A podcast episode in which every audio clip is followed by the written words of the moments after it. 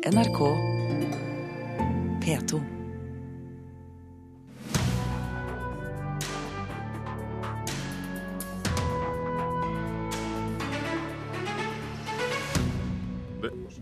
Og her hører vi debattanten allerede i gang.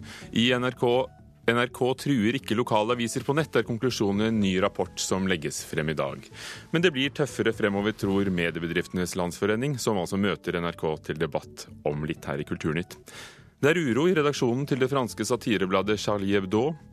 Og en roman om en tenkt skandale er blitt et mørkt og spennende kammerspill. Vi anmelder Fugletribunalet på Det Norske Teatret. Og blir lillefingeren deformert av smarttelefonbruk? Ja, litt lettlurt, da, så jeg trodde på det i går men noen, noen tok den på meg. Ja, Den så jeg faktisk her om dagen, og jeg tror jeg har skeiv finger.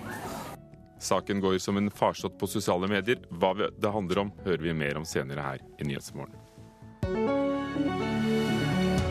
NRKs sterke posisjon på nett gjør at publikum får et bedre tilbud av nettnyheter. Det er konklusjonen i en ny rapport som blir presentert for kulturministeren i dag. Regjeringen er i ferd med å meisle ut en ny kringkastingspolitikk, og ville derfor ha svar på om NRK er for store på nett og ødelegger for andre, og da særlig lokale medier. Vi mener at det å begrense NRK sin aktivitet på dette området neppe er gunstig for eh, publikum. Og det vil heller ikke i noen særlig grad bidra til økte inntekter for regionale og lokale nettaviser. Tvert imot har NRKs nettilbud bidratt til å styrke mangfoldet. Det er konklusjonen fra professor Lars Sørgaard. Sammen med en gruppe forskere tilknyttet Norges handelshøyskole står han bak rapporten som er bestilt av Kulturdepartementet. Den blir et viktig bidrag til stortingsmeldingen om allmennkringkasting som regjeringen skal legge frem for Stortinget i løpet av året. Oppdraget har i hovedsak vært å se på om NRKs rolle på nett er så omfattende at det forårsaker et dårligere tilbud fra kommersielle lokal- og regionalaviser. Lars Sørgaard sier at NRK heller har en utfyllende rolle. NRK og de lokale og regionale nettavisene skriver om ulike saker, og dermed dekker ulike behov. Et eksempel på dette kan være Sogn og Fjordane. NRK skriver om hele fylket, mens hver lokalavis typisk skriver om lokale saker i sitt område. Rapporten blir presentert for kulturministeren senere i dag. Da møter også NRK konkurrentene for å diskutere konklusjonene og komme med sine innspill til departementet. Mediebedriftenes Landsforening organiserer de fleste konkurrentene til NRK. Før jul kom de med en egen rapport som slo fast at lisensfinansierte NRK.no er blitt for lik de kommersielle nettavisene. På bakgrunn av dette ber MBL om nye rammevilkår for hva statskanalen kan og ikke kan gjøre på nett. Selv om forskerne fra Handelshøyskolen i stor grad frifinner NRK for å spise seg inn på kommersielle jaktmarker, så mener de det finnes rom for forbedring. NRK bør bl.a. ikke ha som mål å ha flest mulig lesere, men i større grad opptre på en måte som skaper mest mulig bredde i tilbudet totalt sett for leserne. Reporter Thomas Alvarstein Ove. Tor Gjermund Eriksen, kringkastingssjef. Er du lettet over det rapporten viser? Nå er det jo en veldig omfattende rapport som eh, vi fikk tilgang til i går ettermiddag og skal presenteres i dag. Så jeg ser fram til å gå dypere inn i den. Men det er klart at dette bekrefter jo på mange måter det som eh, vi har ønsket å få fram. Da, at det er medietilbudet, mediemangfoldet til publikum som er det aller viktigste. Og der har både NRK viktig bidrag og alle de kommersielle privateide mediene. Både lokalt, regionalt og nasjonalt. Randi Øgrei, administrerende direktør i Mediebedriftenes Landsforening, MBL. Er NRK en trussel? For dette, denne rapporten viser vel eh, noe annet enn det dere la frem? Rapporten gir et nå-bilde Eh, i forhold til hvordan situasjonen er i dag, og tar eh, noe dypdykk eh, inn i to av områdene. og Særlig det de finner i Sogn og Fjordane er jo interessant. Hvis vi skal ta det positive, så viser det jo da at lokalavisen står sterkt, og det er veldig bra. Det vi er opptatt av, er jo hvordan sikrer vi det mediemangfoldet og den, det meningsmangfoldet også i, i fremtida. Så hva frykter du? Eh, ja, vi står vi eh, frykter tøffere tider. Eh, og jeg må si bare litt om det. Det handler faktisk om at vi Nå møtes vi jo på de digitale flatene. Vi har hatt en harmonimodell til nå, og har det dels fremdeles. Men mer og mer hvor våre mediehus tar betalt for å finansiere den digitale journalistikken. Og det er det vi sier, at vi syns det er viktig at det kommer en stortingsmelding om NRK som går opp disse og diskuterer dette. Fordi... Og da er du redd for NRK gratis på nett? hvis en lokalavis må ta seg betalt? Jeg bare tenker at Det er viktig at vi går opp de grensedragningene. Jeg må si Først og fremst så syns jeg det er viktig at vi har en åpen diskusjon på det, og eh, at vi får den type fakta på bordet. Men dette er veldig mye om en fremtidsdebatt. Hvordan sikrer vi at eh, norske mediebrukere får en like rik tilgang i framtida som det de har i dag? Da skal du snart få si hvordan du mener det, men hvordan sikrer vi det, Tor Gjermund altså, Eriksen? Altså, jeg syns jo det er litt eh, påfallende at MBL og sånn har lenge sagt at NRK er et problem. Og så har man gått inn faktabasert eh, forskning og sett på det. Men nå sier og så sier man at det kan bli et problem. Uh, og så tror jeg vi må huske på to-tre viktige ting som vi sikkert er enige om nå. Det ble sagt at, uh, at konkurrentene skal møtes i dag. De viktigste konkurrentene møter ikke vi. Altså De viktigste konkurrentene som har skapt trøbbel for inntjening til norske mediebedrifter, sitter i USA. Eh, det er Google. Eh, en av dem sitter i Norge, som er Finn. Altså Det er jo hele den teknologiske og konkurransemessige utviklingen som har endret markedet. De møter ikke opp hos kulturministeren i dag. Og så er det en annen ting som rapporten faktisk ganske slår fast ganske tydelig, og det er at de som tror at de skal kunne leve, av betaling for nyheter framover, de kommer nok til å få trøbbel. For det tror ikke forskerne noe på. at Men det er kan det hende at de får trøbbel nettopp fordi NRK bruker lisenspengene til å distribuere innhold gratis? Eh, mens de må ta seg betalt? Ja, altså Det kan ses på to veier. For det første så er det på de generelle nyhetene så er det en åpen annonsemodell. Der har jo NRK ikke annonser. Og det kan faktisk være positivt for de som skal eh, ligge der ute med åpent tilbud og leve av annonser, at du har en aktør som en, har en posisjon som ikke har eh, annonseinntekter.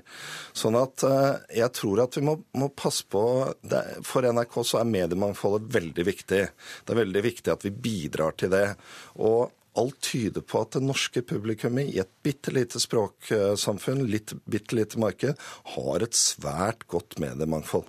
Randi Jøgrei, trusselen kommer utenfra, sier kringkastingssjefen. Altså, jeg er selvfølgelig enig i det bildet også. Eh, og det, det sier at Hovedoppgaven er jo å sikre godt norsk innhold eh, også i framtida. Men da må vi også se på en eh, allmennkringkaster som er solid og fast finansiert eh, over lisensen på over 5 milliarder. Og det mener vi han skal være.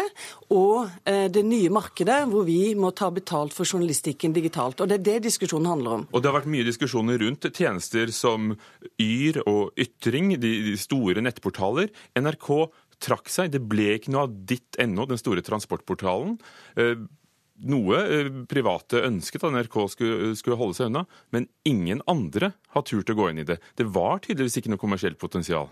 Du kan si Det store prosjektet, eh, som jo kringkastingssjefen eh, gikk inn og egentlig sa at vi ikke skulle gjøre, det tror jeg ingen eh, kanskje kommer til å gjøre. Men vi ser jo at det å levere trafikkmeldinger og det å gjøre det lokalt, er det jo faktisk flere som gjør. Og igjen så har jeg lyst til å si at noe av det som var grunnen til det, var kanskje Google, som jo nå har, leverer så gode tjenester i det norske markedet at det er faktisk ganske vanskelig å ta opp konkurransen, enten man er på en måte en statlig finansiert etablert allmennkringkaster eller en eh, kommersiell eh, aktør. Eh, så har jeg bare lyst til å si at det vi også mener, er at NRK må ta et større ansvar for hele sikre bredden av mediemangfoldet. Og Det er jo en av de tingene som kommer frem i vår rapport. for det også... gjør det ikke i dag, mener du? Nei, jeg mener kanskje vi må se enda tydeligere på å gi, gi på en måte NRK en enda tydeligere rolle i forhold til å også se hvordan deres virksomhet virksomhet eventuelt kan være begrensende og hemme mediemangfoldet i forhold til andre aktører fremover. Er det på noen måte også... Jeg tror jeg må stoppe ja, deg straks. Ja. Nei, altså jeg, Tor Gjermund Eriksen, Er det på noen måte du ser at NRK virker begrensende? Jo, altså Den prinsipielle tilnærminga til, til Randi Høgre er jeg jo enig i. Men, men, eh, problemet er at vi er nødt til å bli litt konkrete. For det første så er det sånn at NRK, du nevnte dit, Vi trakk oss ut av dem. Vi har ingen planer om å lage nye eh, tjenester utenfor det som er kjerneoppdraget vårt. NRK har eh, lov fra Stortinget å selge annonser. NRK trakk tilbake det eh, som en egen beslutning. Vi har stort innholdssamarbeid med TV 2, vi har det med VG, vi har det nå foran valgkamp med masse lokalaviser. Sånn at det bildet som av og til, nå gjorde ikke Randi Øgreid det nå, som, som sier at NRK ikke samarbeider, det er jeg helt uenig i. Vi samarbeider med store deler av mediebransjen, store deler av kulturlivet i Norge, og det skal vi fortsette med. Og denne debatten fortsetter, for i dag får altså kulturministeren over, eh, over, eh, forelagt denne nye rapporten. Takk for at dere kom, Randi Øgra i Mediebedriftenes Landsforening og kringkastingssjef Tor Gjermund Eriksen.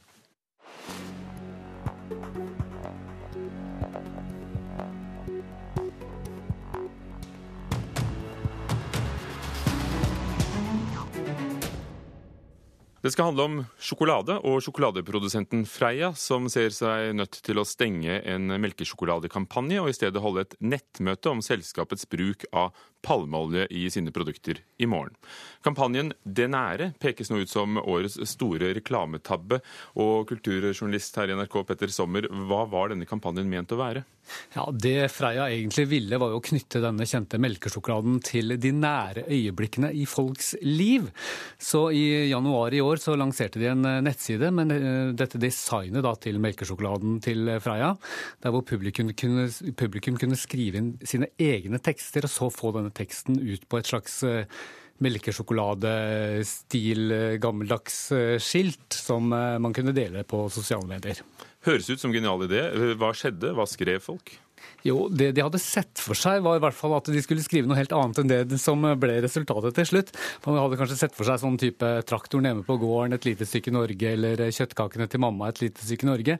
Men det det resulterte i, var jo at folk ville prøve hva som gikk an, og endte opp med sånne kombinasjoner som helvete, et lite stykke Norge, og Krekar, et lite stykke Norge, og ikke minst da til slutt palmeolje, et lite stykke Norge, og smaken av brennende regnskog, et lite stykke Norge. Stykke Norge da, som er en, rett og slett eh, en kritikk da, av Freia melkesjokolade. Men dette slapp altså ut i kampanjen? Det var ikke sånn at de satt og, og hindret den frie ytring? Nei, det var jo automatisk eh, på denne nettsiden. så Hvis man lagde disse plakatene, så kom det automatisk ut på Freia sine egne Facebook-sider. Så det var vel kanskje ikke særlig gjennomtenkt.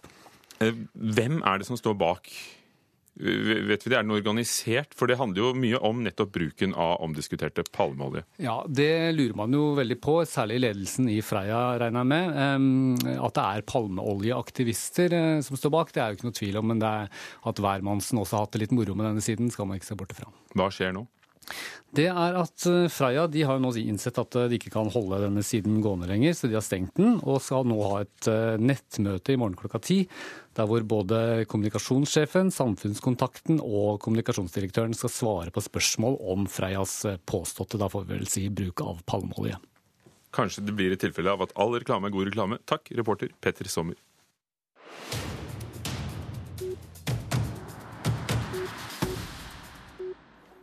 Eh, inntektene gikk i været, råder nå uro i redaksjonen til det franske satirebladet Charlie Hebdo. Tidsskriftet var truet av konkurs før terrorangrepene i januar, da til sammen tolv personer ble drept. I ettertid har donasjoner og en stor abonnementsvekst ført til store overskudd. Nå har elleve ansatte gått sammen for å kreve innsyn i ledelsens fremtidsplaner. Il est dommage que Charlie Hebdo rentre en konflikt avec euh, ce qu'ils ont pu avoir euh, subi. Euh, Hela världen stod enad för Charlie Hebdo. Synd att det nu råder starka motsättningar på redaktionen, tycker abonnenten Anne-Marie som är förvånad över det som sker på satirtidningen. I helgen kom överraskande uppgifter om att det råder stor oenighet på Charlie Hebdo-redaktionen. Detta kan leda till en omfattande konflikt, varnar man för i tidningen 20 minuter. Charlie Hebdo var konkurshotat så sent som i början av januari. Man hade bara 30 000 fasta abonnenter och få lösnummer såldes. Men efter terrorattacken på tidningsredaktionen, där flera av tidningens tecknare sköts ihjäl, har den fått ett enormt uppsving. Idag räknar satirtidningen cirka 220 000 fasta abonnenter och dessutom har man även erhållit många donationer. Alt dette gir pengar i kassan og enligt en uppgift i tidningen Huffington Post så pekar ekonomin nu på et plus på over 260 miljoner kroner. Det är just gällande pengarna som det råder oenighet på redaktionen. Elva anställda har bildat en grupp og krever nu at de skal få insyn i tidningens framtida strategi og ekonomi. Gruppen gjør påtryckningar på ledningen. I dag styrs tidningen av endast tre personer, men det räcker ikke, tycker de elva anställda i gruppen. Patrick Pelou er medarbetaren som var en av de første å komme på plats på Charlie Hebdo efter skjutningarna där den 7 januari. Han er en av de elva personerna i gruppen. Pelou mener at oenigheten handler om at tidningen ikke skal hamna i samme konkurshotade ställning som innan attentaten. Vi er altså ikke intresserade i å tjene pengar for egen del, for pengar skaper bare problem, betonar Patrick Pelou til meg. Men ju fler som har insyn i ekonomin, desto bättre kan man sköta Charlie Hebdos framtid, säger han. Beaucoup d'argent, euh, ça repart aussi vite et il y a souvent de graves questions derrière. Il faut qu'il y ait une évolution de la société qui dirige de manière à faire naître l'actionnariat salarié. Det finns dock anställda på Charlie Hebdo som vägrar delta i gruppen och de tycker det är osmakligt att ha den här diskussionen i dagsläget när såren efter attentaten fortfarande inte är läkta. Charlie Hebdo-medarbetaren Laurent Leger säger till nyhetsbyrån AFP att det inte råder någon konflikt mellan gruppen och tidningsledningen. Vi har bara diskuterat framtiden lite, säger han. Ändå skriver man i Le Journal du Dimanche at et stort gräl har brutit ut på tidningsredaktionen og det har även annan media rapporterat om under helgen. Og nå har også vi rapportert om bråk i redaksjonen i Charlie Hebdo takket være vår reporter i Paris, Johan Tolgert. Klokken er allerede 19 minutter over åtte. Du hører på Nyhetsmorgen i NRK. Overskriften i dag tre av fire barn som bor på barnevernsinstitusjon har psykiske lidelser, men mange får ikke den hjelpen de trenger. Den ferjefrie veien E39 på Vestlandet blir dyrere enn beregnet. Prisen har økt fra 150 til 268 milliarder kroner. Og Forsvaret sløser med skattepengene våre. Det slår konsulentselskapet McKinsey fast i en ny rapport. Og her i Kulturnytt handler det om journalistikk. Journalist i Dagbladet, Kristoffer Egeberg, fikk to av de største prisene i norsk presse i helgen. Det skjedde under den årlige konferansen til Stiftelsen for en kritisk og undersøkende presse, SKUP. Kristoffer Egeberg, gratulerer. Tusen takk. Tusen takk. Avsløringene av at Norge har solgt flere gamle militære fartøy til en krigsherre i Nigeria, ga det altså selveste SKU-prisen, Og sammen med Maren Sæbø i verdensmagasinet X så delte dere også Internasjonal reporterprisen. Hva er historien din? Nei, Historien er jo kort at uh, Forsvaret har drevet uh, fordekt handel med marinefartøy.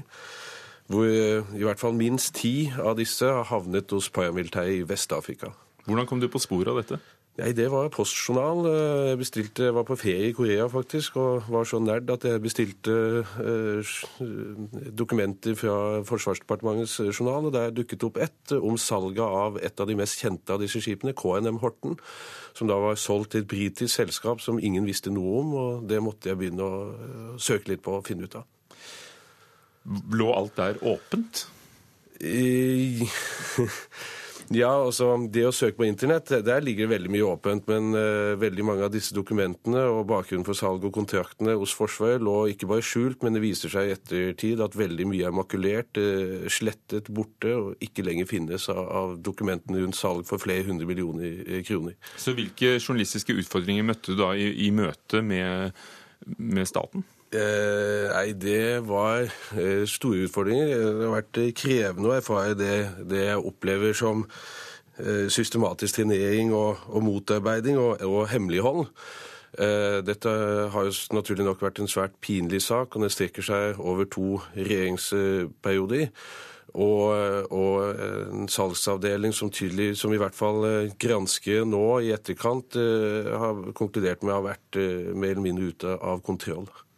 Hva er konsekvensene blitt av dine avsløringer? Eh, så langt så har eh, eksportlovgivningen blitt endret. Eh, den ble endret med umiddelbar virkning for noen måneder siden til at nå kan ikke lenger militært utstyr selges som sivilt det som da har skjedd i dette tilfellet, hvor sivile selskaper har fått kjøpe utstyr som kan brukes militært i, i, ja, i konfliktområder. Hva synes du om den holdningen du har møtt i, i møte med departementet og, og, andre organer i forhold til idealene om, eh, som ligger i offentlighetsloven, at, at vi har en gjennomsiktig forvaltning? Jeg, eh, jeg, er ikke imponert, det må jeg si. Og, og jeg opplever jo etter eh, ganske mange år i journalistikken at situasjonen er blitt dårligere. Det har blitt stadig flere informasjonsrådgivere, og, jeg vil jo si at den hæren av Man kan sette spørsmålstegn ved om den hæren av informasjonsrådgivere som danner det forsvarsverket som det har blitt mellom media og departementsledelsen, om, om den egentlig jobber for åpenhet og, og det demokratiet som, som, de er satt til, eller, eller, om de faktisk eh, først og fremst er der for å beskytte egen, eget byråkrati og egen ledelse.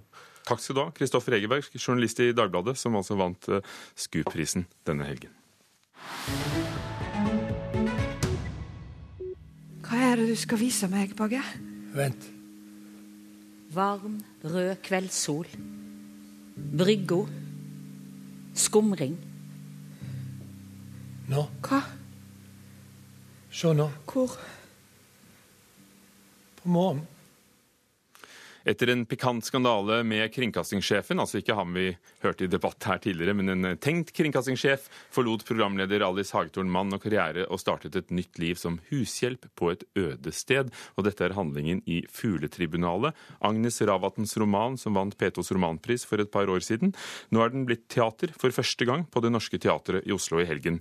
Karen Frøsland Nystøl, du var der. Eh, hva var det vi hørte her?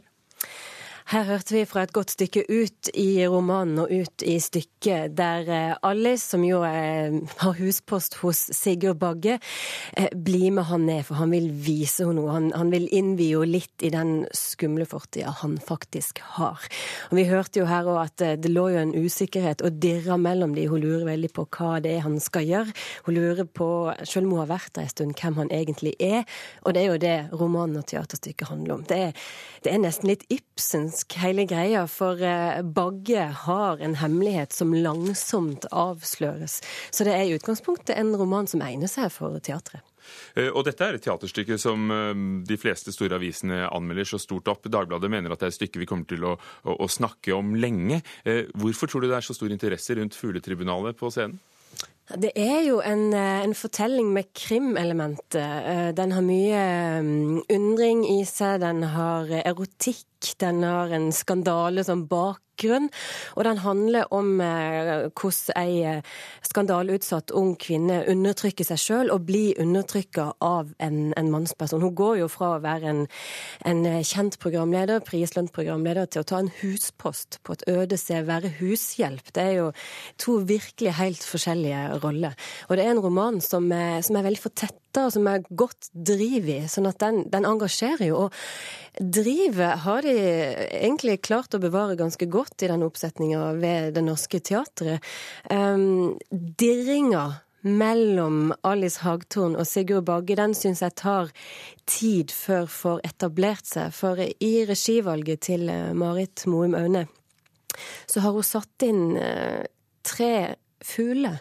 Det er tre figurer på scenen. Det er en stokkan og ei måke og ei kongeørn. Det vil si det er skuespillere kledd i vanlige klær, men som har store fuglehoder på seg, og, og, og vinger satt på armene. Digre fugler som går rundt. Og av og til så tar de av seg disse fuglehodene, og så snakker de. Um, funksjonen til disse syns jeg blir å fylle fylle tomrom, som jeg syns at Marie Blokhus som Alice og Niklas Gundersen som Bagge så fint kunne ha klart å fylle sjøl. Derfor tar det tid før det begynner å dirre, fordi de ikke får spilt fram all den ubehageligheten og undertrykkinga og usikkerheten som romanen har allerede fra starten av. Og hvordan er dette spillet mellom, mellom eh, Alice Marie Blokhus og, og Niklas Gundersen, som spiller Bagge? Det er, det er, veldig godt mellom de to. Det er to veldig veldig gode skuespillere. Og de spiller to karakterer som på hver sin måte er skadeskutt, som på hver sin måte bærer på hemmeligheter, og som på hver sin måte baler med skam, skyld, soning. Um, og jeg syns de klarer seg imellom å bygge det fint opp, selv om, selv om um, akkurat eh, tonen de imellom er muntrere, kanskje, til tider i teateroppsetninger enn jeg opplevde når jeg leser romanen. Men jeg skulle ønske da at de hadde blitt gitt tid allerede fra starten av til å virkelig klare å, å jobbe fram det ubehaget som jeg syns jeg leser i romanen. Eh, den usikkerheten og undertrykkinga som ligger der i forholdet mellom de to allerede fra starten av. Takk, Karin Frøsland Nystøl, som også har sett Fugletribunalet etter Agnes Ravatns roman, regissert av Marit Moe Maune, på Det Norske Teatret i helgen.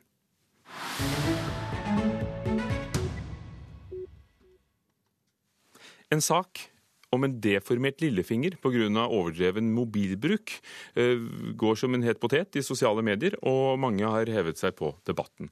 Men kan en lillefinger ta skade av at eh, smarttelefonen hviler på fingeren? Tommelen på hjem-knappen på iPhonen. Ja, med lillefingeren litt under. under sånn. iPhone 6 må jeg nesten bruke begge hendene. Det er sånn de fleste holder smarttelefonen sin. Tommelen på hjem-knappen, tre fingre rundt og lillefingeren under.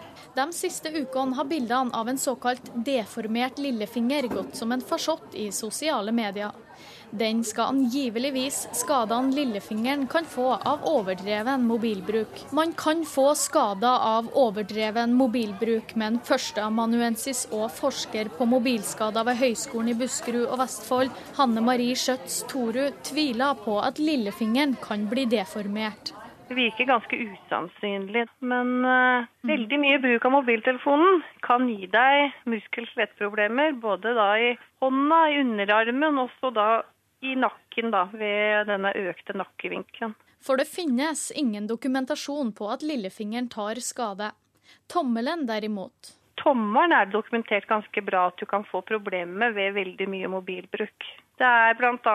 beskrevet et tilfelle med en mann som hadde teksta mye, veldig mye i to-tre år, og hadde utvikla både feilstilling og leddbetennelse i, eh, i ledd da, i tommelen måtte behandles for dette. Selv om man kan få skader av overdreven mobilbruk, er det noe elevene NRK snakker med tenker lite på. Nei. Nei, egentlig ikke. Jeg tror vi er den generasjonen som eh, kommer, til å, kommer til å merke det og når vi er oppe i 40-åra. Så tror jeg det er vi som eh, kommer til å være Alle er sterile og ja. Alle har kikk i nakken og store ryggproblemer. Og reporter om eh, mobilfinger var Tanita Vassås Kveinom. I Kulturnytt i dag har vi hørt om eh, rapporten som sier at NRK ikke truer lokale aviser på nett. Den blir lagt frem senere i dag. Det var Marianne Myhrol som var teknisk ansvarlig, Vidar Sem produsent Ugo Fermariello programleder. Dette er Nyhetsmorgen i NRK, og klokken er straks halv ni. Hør flere podkaster på nrk.no podkast.